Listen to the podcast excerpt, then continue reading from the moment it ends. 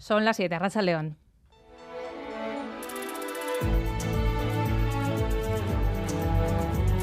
En Radio Euskadi, Gambara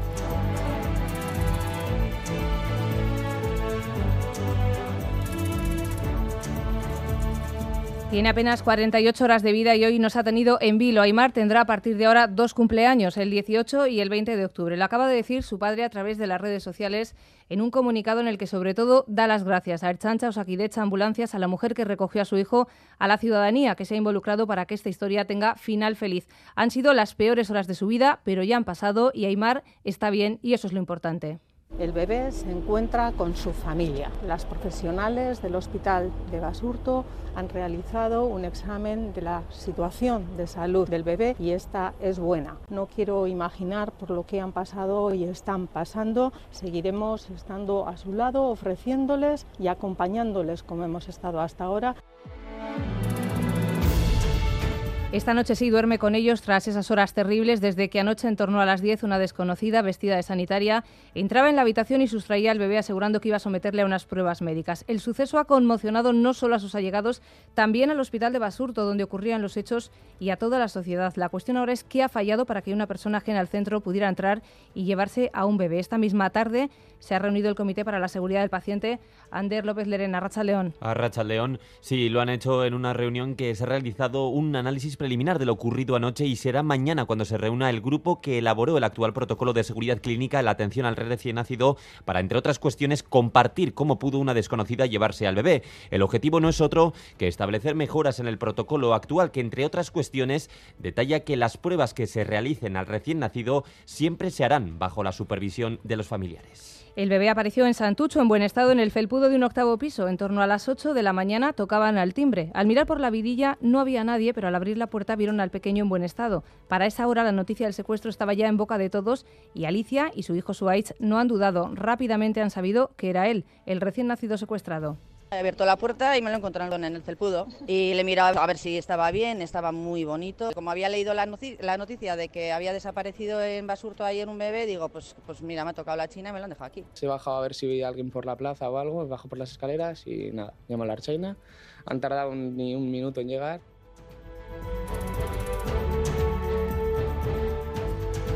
La autora del secuestro tiene 24 años y era detenida poco después en el barrio de Zorroza llorando en un banco acompañada de otra mujer. Ha sido reconocida por los vecinos de la zona. Inmediatamente ha sido trasladada a comisaría y allí sigue. Por el momento, con la detención, se cerraba otro capítulo de este suceso, Xavier Madariaga. Los vecinos de Zorroza han vivido la detención en torno a las diez y media de la mañana.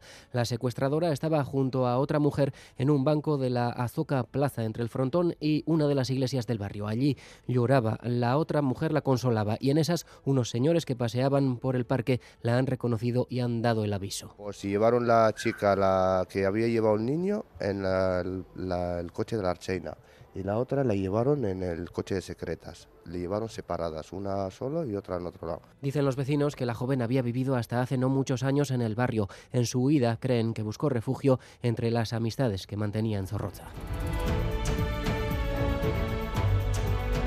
Listras es ya historia, a su pesar seguro ha batido un récord. Ha sido la primera ministra más breve de Reino Unido. 44 días en el cargo, eso sí, muy intensos. Ahora hay que buscar reemplazo. Será elegido en torno a una semana. La oposición, los laboristas y el gobierno autónomo de Escocia piden ya adelanto electoral. David Beramendi.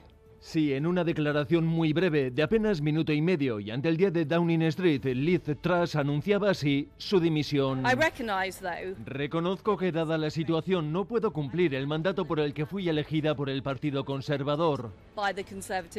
Por lo tanto, he hablado con Su Majestad el Rey para comunicarle que renuncio como líder del Partido Conservador.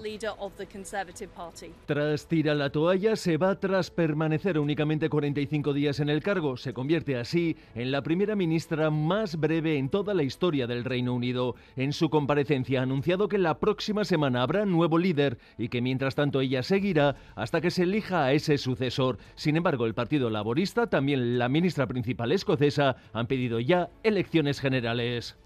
Y mañana a las 2 del mediodía concluye el plazo de presentación de enmiendas a la totalidad para los presupuestos generales del Estado. El Gobierno de Sánchez ha dado el apoyo de los grupos más pequeños, pero apura las negociaciones hasta el último momento con PNV, H. Bildu o RC. El ministro Bolaños dice que hay voluntad.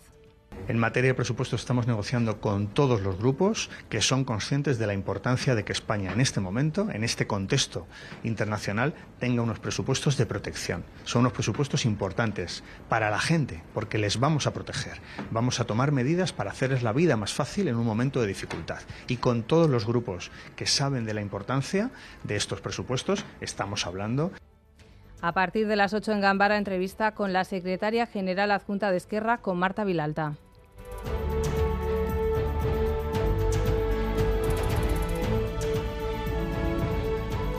Vamos ya con la actualidad deportiva. Edu García, Racha León. ¿Qué tal, Racha León? Pasa por el cierre de la jornada 10 en Primera División a las 8 en el Estadio del Sadar. Osasuna va a buscar una victoria que necesita después de encadenar varios partidos sin ganar y además con dos derrotas consecutivas eh, jugando como local. El rival, el español. Y la última hora pasa por conocer el 11 del conjunto de Diego Barrasate que nos lo brinda desde el Sadar. Eh, Rafa Aguilera. Rafa, ¿qué tal? Racha León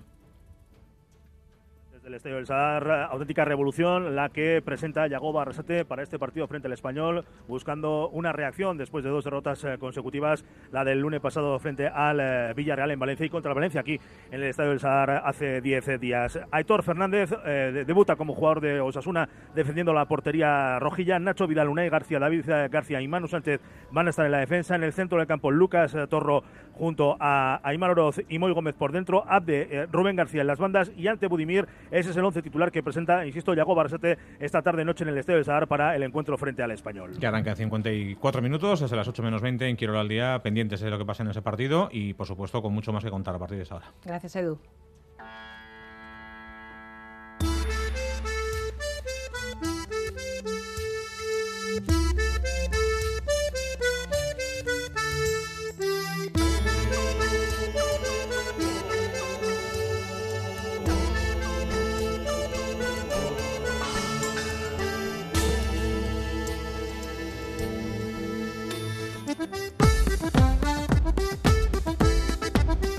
Kepa Junquera se reencuentra a esta hora con su público. En unos minutos se presenta en la sala BBK de Bilbao el documental Verpistu que narra su historia personal tras el ictus que sufrió hace cuatro años. Nos vamos hasta allí. Amaya Zabala, Racha León. A Racha León, Cristina. Ha llegado ya el protagonista. Así es, hemos podido ver al mismo Kepa Junquera sonriente y emocionado, arropado por su familia y amigos, y así de emocionado nos lo contaba Juanjo Martínez, amigo de Kepa Junquera y exdirector de Derechos Humanos del Gobierno Vasco. Además de un amigo, es un referente cultural que ha ubicado la música en Euskadi, en Europa y en el mundo, la música vasca En estos momentos se siente una gran expectación y un apoyo abrumador hacia el artista en la sala BBK de Bilbao, donde en, pocos minutos se presentará el documental Verpiztu. Una gran emoción también entre los seguidores del Trequidilari porque el de hoy será el primer reencuentro del artista con el público tras sufrir un grave ictus hace cuatro años. El documental cuenta la historia de superación personal de, de Kepa, por lo que se trata de un relato de las emociones vividas durante los últimos años. Así nos lo adelantaban Fermín Ayo, director del documental, y José Raplaza, productor ejecutivo del documental. Pues vamos a emocionarnos mucho, vamos a disfrutar de la música de Kepa a tope, vamos a ver a Kepa por primera vez desde, desde que tuvo el ictus y lloraremos un poquito, pero también nos vamos a reír y vamos a salir con el corazón lleno. Vamos a ver un poco el universo de, de Kepa, ¿no? y un poco pues todo lo que ha sido su vida, todos los amigos que ha tenido y toda la gente que, que le ha ayudado o él ha ayudado a toda la gente.